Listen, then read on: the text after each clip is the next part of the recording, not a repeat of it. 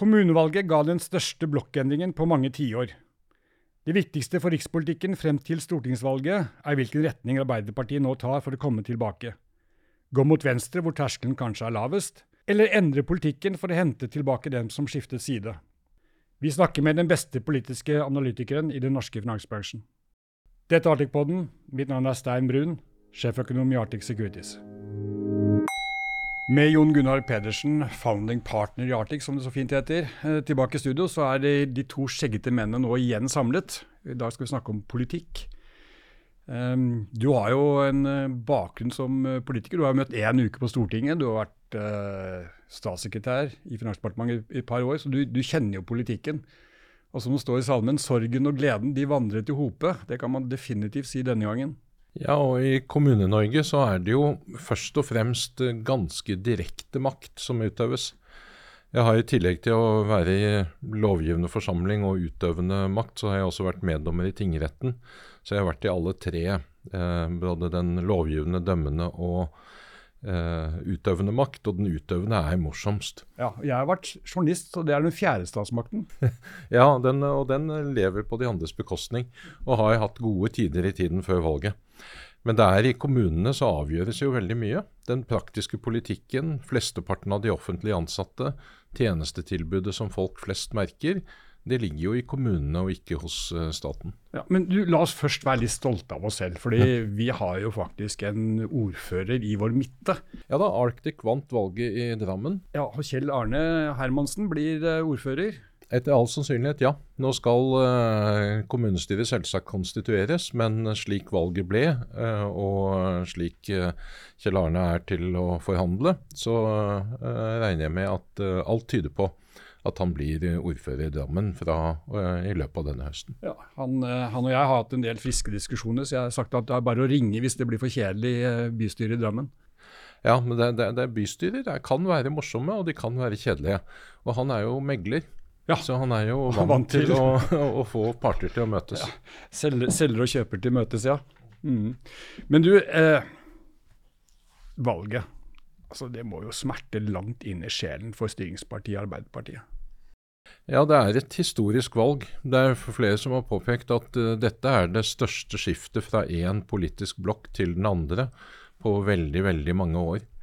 Uh, over 10% av stemmene har flyttet seg fra rød side til blå side.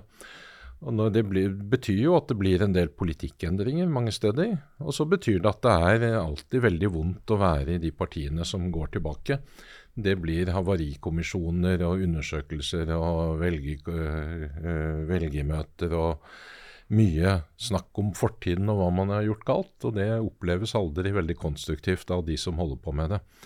Mens uh, alle partiene på høyresiden gikk jo frem. Ja. Slik at der blir det ikke noe tilsvarende selvransakelse. Er det litt sånn høyrebølgen fra 1981, da Kåre Willoch og Erling Norvik eh, fikk eh, Høyre opp i historisk høye 31,7% Ja, det er jo ikke fullt det. Fordi det som det har vært mer markant at det har vært et fall for regjeringspartiene, enn at det har vært en veldig sterk oppgang for de borgerlige partiene. Men likevel. Eh, det er en tydelig høyrevind i befolkningen. Men i kommunene så kan jo mye annet skje ved siden av den store bølgen. Vi har jo mange eksempler på kommuner hvor det har vært veldig populære ordførere. Ja. Alt fra Rauma, som vil ha en SV-ordfører som er veldig populær. Eh, Åmot, som har en Høyre-ordfører som er veldig populær midt oppe i Østerdalen. Eh, du har eh, Flekkefjord, hvor, som var ordføreren er så populær at uh, Fremskrittspartiet slapp opp for folk. Så de måtte ja, gi bort et mandat bort, til SV og til Høyre. Ja. Og så har du ikke minst da Kari Nessa Nordtun i Stavanger, som gikk jo mot den generelle trenden og fikk det beste valget for Arbeiderpartiet på 40 år. Ja, Nei, jeg tror det, det synliggjør at um, enkeltpersoner, men også politiske vedtak som uh, vedrører folk, de slår ut i kommunene. Noen av dem slår nok ut pga. Lands, eh, landsendringene. Hvis du ser på Frøya, så når eh, Høyre går fram 30 der, så har det jo sammenheng med, også med en landsbeslutning som mm. berørte veldig mange flere kommuner enn Frøya. Og som har slått, om ikke like sterkt ut, veldig sterkt ut i, i hele Kyst-Norge. Ja, Nå snakker du lakseskatt? Ja, i praksis det. Ja, og Andre steder så har vi hatt vindkraftmotstand, som har eh, bl.a. ført til at de Industri- og Næringspartiet fikk eh, stor oppslutning. Eh, Vanylven, Vinje og Vega, for å bruke samme forbokstav. Ja, og så er jeg ikke sikker på om Industri- og Næringspartiet har gått frem bare pga. vindkraft. Det har nok vært en generell bekymring for uh, si, oppmerksomheten rundt verdiskaping. To tredeler av befolkningen jobber fortsatt i privat sektor og ikke i offentlig sektor. Og det er vel en del av uh, samfunnet som kanskje ikke har følt seg snakket opp så mye i Nei. de siste par årene. Og mye av denne reaksjonen kan nok være en reaksjon på det, særlig når du ser hvor den har kommet. Den har kommet i de store byene, og den har kommet rundt hele kysten. Ja, Så det er, det er bred, en bredde i, i, endringen? Ja, det er det. Det er eh, som sagt de store mellomstore byene. Og så har det jo vært en Reaksjonen er jo ikke så sterk for Arbeiderpartiet som den er for Senterpartiet. Nei. Eh, så ja, jeg må oppstå på landsplan. Ja. Eh, så, Apropos ja. det, altså jeg, jeg, bare tok en liten sjekk på din uh, oppvekstkommune, Grue. Og der, der, så jeg at Arbeiderpartiet gikk jo altså faktisk kraftig frem, nesten 15 prosentpoeng, og hadde rent flertall, 53,6% ja, det stemmer. De tok 15% av stemmene som Senterpartiet hadde. Senterpartiet ble halvert. Og de stemmene gikk så å si i sin helhet til, eh, til, Arbeiderpartiet. En liten andel gikk til Høyre, men eh, nok til, at, eh, nok til, Arbeiderpartiet til at Arbeiderpartiet har rent flertall i Grue igjen. Slik de pleide å ha da jeg vokste opp. Mm. Men, men sett bort fra disse enkeltsakene som preger lokalpolitikken, så det altså den brede tilbakegangen geografisk da, for Arbeiderpartiet den, den tyder jo på at det har vært en generell misnøye. Ja, det, det, har det. Det har vært en misnøye, og nå begynner jo krangelen om hva er årsaken til det. Mm. Og det er en uh, vanskelig diskusjon å ta. Er det det at det har vært uh, problemer med styringen, at man rett og slett ikke syns regjeringen har håndtert det uh, styringsarbeidet godt nok? Er det det at man har havnet i så mange kriser, så uansett hvor flink man hadde vært, så hadde det ikke vært mulig å håndtere det? Eller er det også slik at politikken faktisk ikke er tilpasset det folk ønsker som svar på, på problemene? Og hvorvidt det er styring eller kriser eller politikk som var årsaken til at valget gikk som det gikk, det er jo en diskusjon som de nå har i partiene, og hvor folk kommer til å gi litt ulike svar, særlig avhengig av hvor de sitter og hvor mye ansvar de har hatt for det som har skjedd. Ja, altså På en måte er nesten den letteste forklaringen å skylde på dyrtid. Dyrere matvarer, eh, dyrere strøm, høyere renter. Fordi Det impliserer på en måte at det ikke er noe feil med politikken. Ja da, det er bare det, uflaks med timingen. Det er litt som en megler som gir en anbefaling på en aksje som går ned. Det er jo ikke meglerens analyse eh, som er, som er, feil, det er jo bare markedet som har gått imot på en eh, urovekkende og oppsiktvekkende og uventet måte. Ja. Så vi, vi, vil jo alle gjerne forklare med at det er ting vi ikke har vært med på å styre som eh, er årsaken til at ting blir annerledes enn vi trodde. Men, men det er også sterke krefter i Arbeiderpartiet som peker på et mer grunnleggende problem. Altså jeg så ordføreren i Grenlandsområdet som mener at det er blitt altfor mye distriktspolitikk, og vi er blitt glemt. Ja, og det, de peker jo på flere ting, men det, det, det er riktig. Akkurat i grenlandsområdet så trakk de frem særlig mange av de konsesjonene som er gitt til Senterpartiet gjennom eh, regjeringsarbeidet. Og Det er en klar konflikt mellom deler av det Arbeiderpartiet har stått for tidligere, og deler av det de er med på nå. Og, og Litt sånn er politikkens vesen når du må kompromisse deg frem for å få et flertall.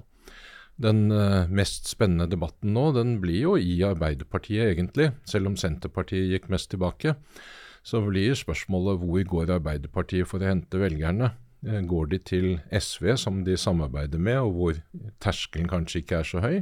Eller skal de hente dem tilbake fra andre siden av de politiske blokkene? Det, um, det blir et retningsvalg som blir veldig, veldig viktig. Ja, vi kan komme litt tilbake til etterpå, men i utgangspunktet du peker på Arbeiderpartiet og Senterpartiet. Altså det, det, som ikke alle husker nå, det er jo at Arbeiderpartiet gjorde egentlig et veldig dårlig stortingsvalg sist. Det var jo det nest dårligste stortingsvalget for Arbeiderpartiet etter krigen. Ja, det, det grenlandsordførerne peker på, at dette er jo ikke et nytt problem. Man har sklidd nedover. Mm. Eh, og det har sklidd nedover til nivåer hvor vi ikke er vant til å finne Arbeiderpartiet, jf. at det er eh, første gang på 99 år at de ikke lenger er det største partiet. Så det er en langsiktig trend. Mange andre land i Europa har opplevd den, og opplevd den sterkere og tidligere enn vi har. Eh, Norden har på mange måter eh, hengt etter i så måte, og fortsatt hatt og har sterke sosialdemokratiske partier. Eh, men det er nok eh, det at det blokkbildet er jo annerledes enn det var tidligere. Eh, det har alltid vært dimensjoner på tvers av blokkene, ikke minst i et land som Norge, enten det er distriktspolitikk eller avholdssak eller språkpolitikk eller hva det har vært, som har vært annerledes. Men uh, vi merker jo nå at uh, sosialdemokratiet står i et, en spenn mellom kanskje offentlig og privat, mellom kulturkonservatisme og kulturradikalisme. Uh, en, en spenn som er vanskelig å håndtere. Og vanskeligere å håndtere kanskje for partier som har vært veldig opptatt av at man skal være enige når det først er fattet et vedtak. Ja. I en del andre partier så har man jo en bredere tradisjon for at i en del spørsmål så er man faktisk uenige. Det, og, og det, man lever med det fordi man føler at man har andre ting som er viktigere, som likevel holder en sammen.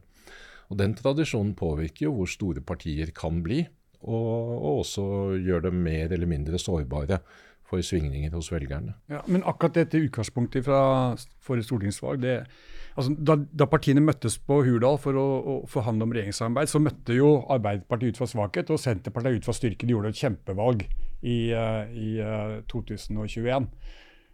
Og det bidro kanskje til at uh, Arbeiderpartiet ikke fikk det helt som de ville.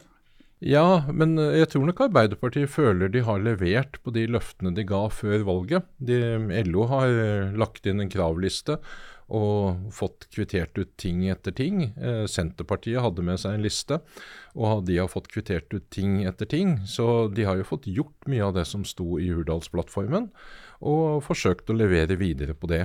Og så er problemet at Hurdalsplattformen den er to år gammel. Mm. Og den bygger da på politiske ideer og intensjoner som ble utformet i de par årene før valget. Slik at mye av det som var problemstillinger på den tiden, ikke oppleves som like relevante nå. Og Det er jo også litt av politikkens vesen, at du ser veldig ofte bakover. Du forsøker ikke å se fremover, og jo mer opptatt du blir av administrasjon, og jo mindre blir du opptatt av om du greier å se hva folk egentlig er opptatt av i dag og i morgen. Du ser mye på hva du er opptatt av i går. Men, men samtidig så ble vel Arbeiderpartiet da skal vi si, trukket mot venstre som følge av den samarbeidskonstellasjonen de måtte ha i Stortinget, med å søke samarbeid med MDG, med SV, med, med Rødt? Ja, eh, og du kan si det, det, ville de nok ha blitt uansett, så lenge du ikke hadde et flertall uh, alene. Det, det var nok et uh, nederlag strategisk for Arbeiderpartiet at man ikke fikk tre partier i regjering, og kunne tatt mange av diskusjonene internt i regjeringen. Samtidig så har det jo eh, antagelig vært en fordel for SV. Så for SV så er det liten grunn til å endre på den posisjonen de har. De har greid seg bra og er jo det eneste partiet på venstresiden som har gått frem i dette valget. Ja, og Det var jo veldig selvbevisste nå på valgnatten. Ja, de, de, var det, og de har noen ordførere. De, de, har ikke veldig mange ordførere, men de har noen, og de har jevnt over gjort det veldig bra. Mm. Men, men, er det Høyre som har beveget seg inn mot sentrum, eller er det velgerne som har gått over mot høyresiden, tror du? Jeg tror det er en kombinasjon av begge saker. Velgerbevegelser de skyldes jo endringer i samfunnet som gjør at du prioriterer annerledes nå enn du gjorde før. Og de utfordringene som velgerne har møtt, de eh, er hva skal jeg si, reelle endringer i deres egne liv som de må håndtere. Og hvis du føler at politikerne kanskje håndterer politikkproblemer, altså kommuneinndeling og ting som politikere ofte kan være veldig opptatt av, mm. Men mindre det at, vi, at mange har fått mye dårligere råd pga. prisstigning og renteoppgang, ja. ja. da flytter velgerne seg til partier som de føler i hvert fall hører på hva som er eh, problemet i dag. Og så, Samtidig så viser jo undersøkelser før valget at Arbeiderpartiets velger og Høyre-velger er stort sett opptatt av de samme sakene. Ja, det, de er det. Så det, det, er spørsmål om partiene svarer på sakene eller ikke. Mm. Det er jo en, eh, en, følelse Jeg bor selv i Larvik. Der ble det innført eiendomsskatt. og Det var en av årsakene til at det politiske eh, det blir et stort politisk skifte i Larvik, og vi får en ny ordfører, etter all sannsynlighet fra, fra Høyre. Den situasjonen er avklart nå. Og eiendomsskatt er et eksempel på en beslutning som kommunestyret sa ble innført fordi det var veldig vanskelig, og det var en tung og vanskelig beslutning å ta å ilegge eiendomsskatt. Men det gjorde jo at man løste de politiske problemene og kunne fortsette å bevilge penger. Og så skjøv man problemet over på husholdningene som skal betale for det. Og det, Da føler man kanskje ikke at politikerne løste husholdningenes reelle problem, som var at de har fått dårligere råd i det siste. Mm. Du, la oss se fremover nå, hvilke konsekvenser dette valget kan ha for skal vi si, snakke mer om rikspolitikken. Ja, Nei, jeg tror det er en fem-seks trender hvor det, det, blir veldig avgjørende om Arbeiderpartiet velger å gå til venstre for å hente tilbake velgere, eller om de ønsker å strekke hendene over og få folk tilbake eh, over de hovedskillelinjene. Hele diskusjonen om avkommersialisering, om velferdsmiks, om du kan bruke private, eh, private krefter for å medvirke for å utføre oppgaver som det offentlige styrer og finansierer, den uh, kommer til å være levende. Og Der har jo Arbeiderpartiet i veldig mange kommuner en pragmatisk holdning, mer pragmatisk enn den som kommer til syne, syne i debatten på, på, riksplan. Men med Oslo som et unntak? Nettopp, som et veldig synlig unntak. Ja. Og Dermed så spiller det en stor rolle at det nå er veldig mange av byene som har fått uh, Høyre-ordførere og der det er borgerlige flertall, og der man kan se en annen politikk eh, foran det.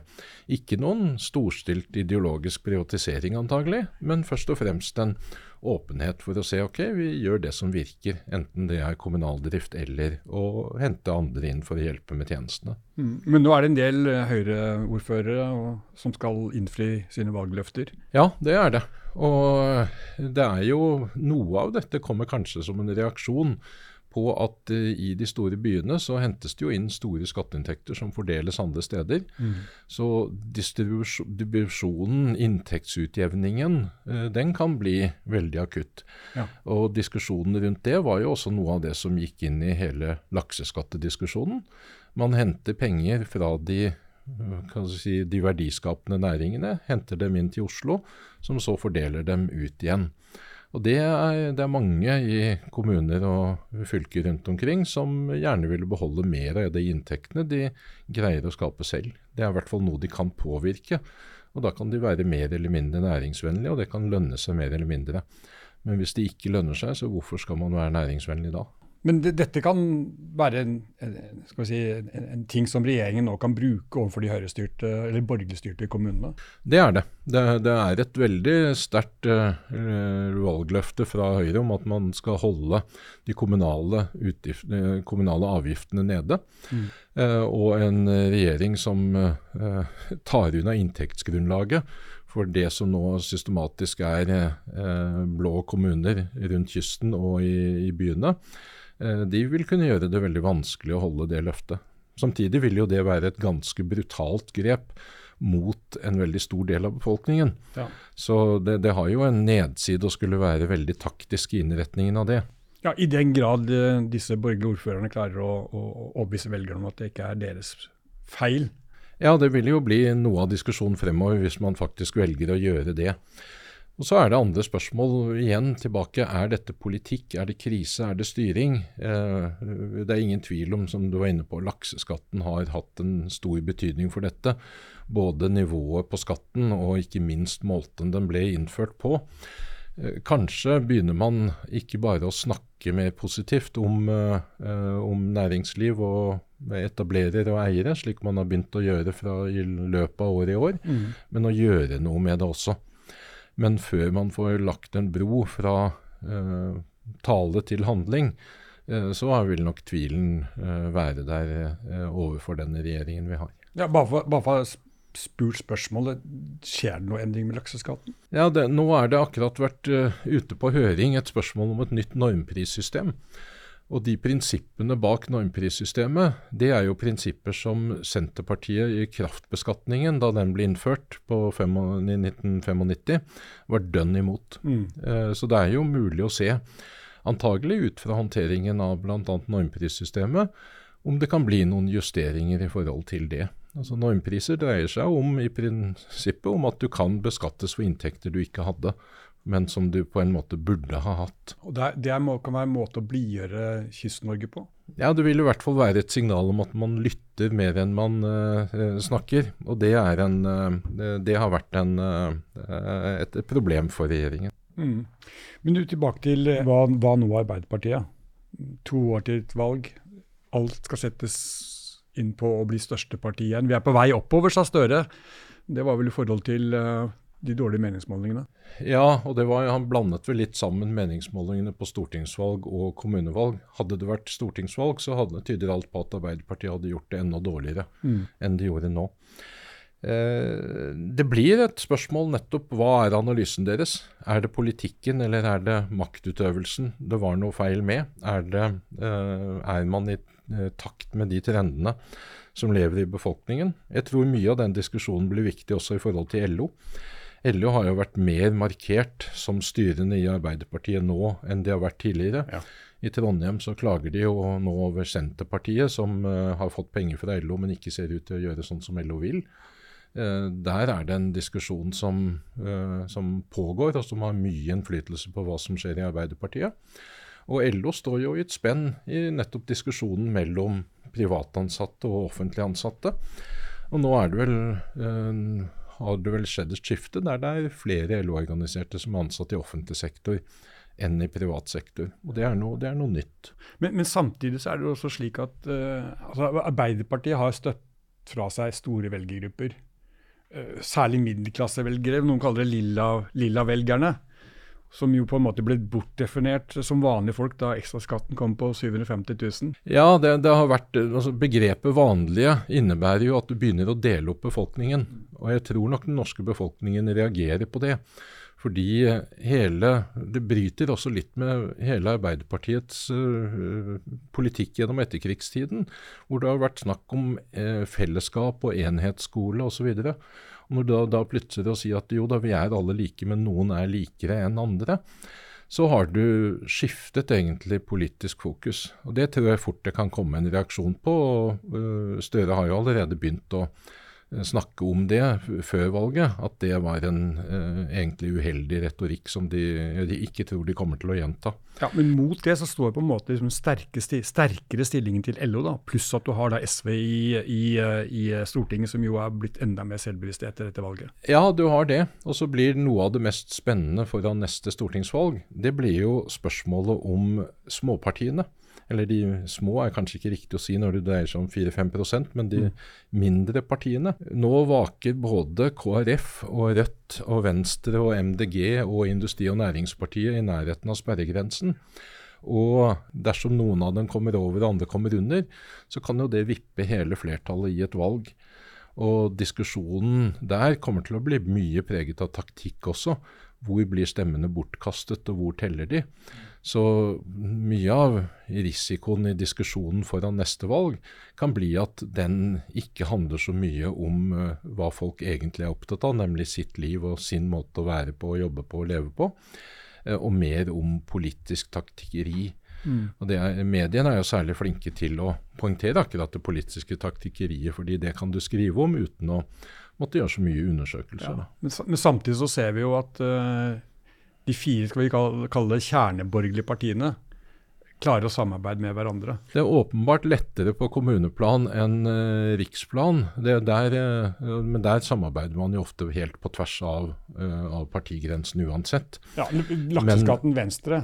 ja, og i mengder av kommunestyrer rundt omkring nå så ser du, ser du at Arbeiderpartiet og Høyre kan stå på samme side i fordelingen av verv osv. Så det er en lavere terskel for samarbeid men, øh, og lavere skuldre overfor de andre partiene. Men den stemningen vil jo ofte forplante seg opp til riksplan også. Nå øh, KrF, øh, Venstre, Fremskrittspartiet og Høyre kan åpenbart alle møtes i samme rom og snakke fredelig sammen.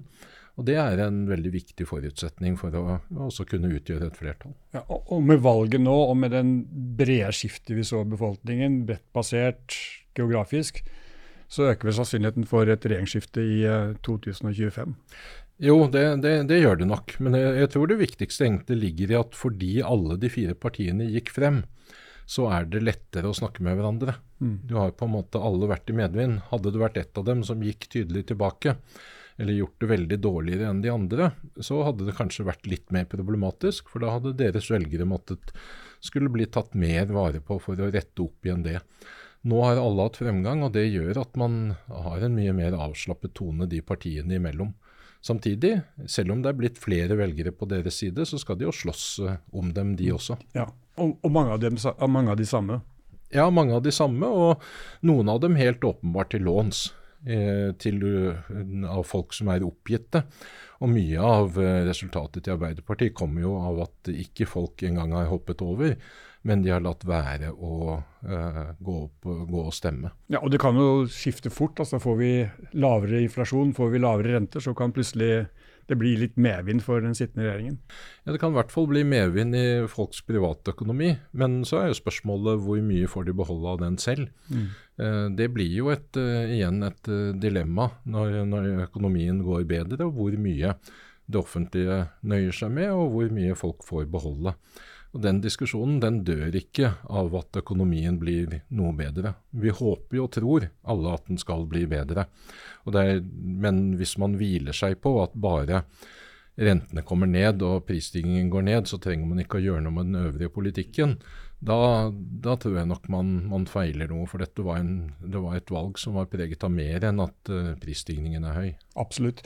Men, men bare la oss nå tenke oss at det blir et regjeringsskifte i 2025. Uh, hva kan, hva kan, være det viktigste endringen vi kan se som kan ha betydning for, for de markedene som vi tross alt lever av? da? Først og fremst tror jeg det blir noen av de diskusjonspunktene vi hadde i dette valget, nemlig forholdet mellom privat og offentlig sektor. Eh, hva vil du være villig til å gjøre for å få mest mulig ut av pengene? Vi har i Norge en veldig kostbar offentlig forvaltning, og vi har en del kostbare rutiner som vi har lagt til oss vi kjenner jo det godt i finansnæringen med compliance og hvitvaskingsrutiner mm. osv. Som gjør at bankvesenet, driften av finansnæringen, koster mer enn den gjorde tidligere. Det er ikke nødvendigvis norske myndigheters feil, det er vel så mye en internasjonal trend. Men et annet område det er alt som gjelder plan- og, og byggesaker. Eh, byggenæringen er vel den næringen i Norge, og kanskje i verden, over de siste tiårene som har hatt dårligst produktivitetsvekst. Og det er en utfordring. Vi, prisene har gått opp.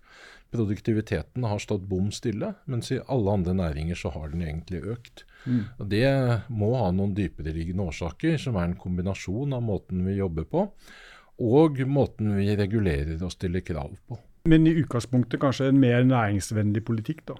Ja, det er jo det folk roper etter. Mm. Det, og det er, har jo tradisjonelt uh, vært et område der de borgerlige partiene gjør det sterkere, og der befolkningen har sagt at gjennom dette valget at de tror mer på den borgerlige tilnærmingen enn den, uh, den sittende regjeringens.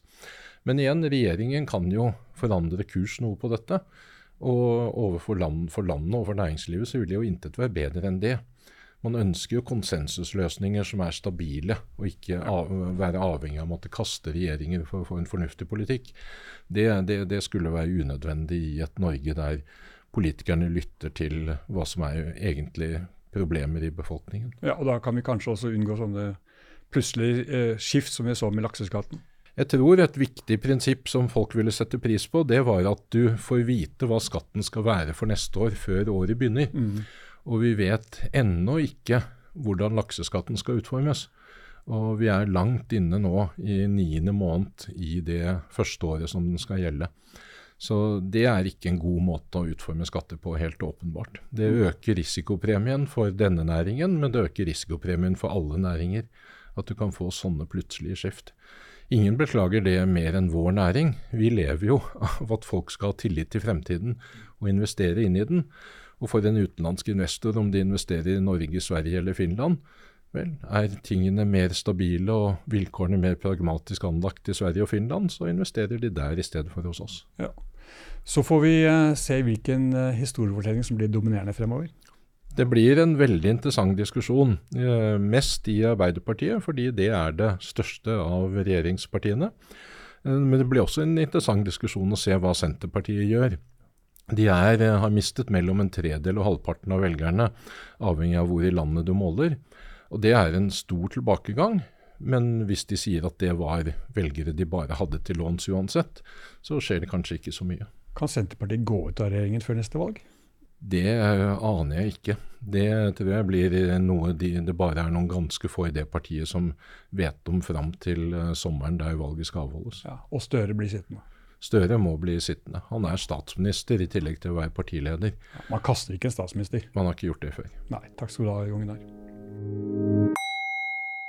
This podcast has been prepared by Arctic for information purposes only. The information, opinions, and recommendations presented in this podcast are for general information only, and any reliance on the information provided in this podcast is done at your own risk. This podcast should not be considered professional advice. The information provided in this podcast is not intended to constitute investment advice, nor is the information intended as an offer or solicitation for the purchase or sale of any financial instrument. Relevant and specific professional advice should always be obtained before making any investment or credit decision. It is important to note that past performance is not indicative of future results. This podcast does not fulfill the criteria for preparing investment research and must be seen as marketing material. All information information submitted during this podcast is obtained from public sources that Arctic believes to be reliable, but which Arctic has not independently verified. Arctic makes no guarantee, representation, or warranty as to its accuracy or completeness. No liability whatsoever is accepted for any direct or indirect, including consequential, loss or expense arising from the use of information from this podcast.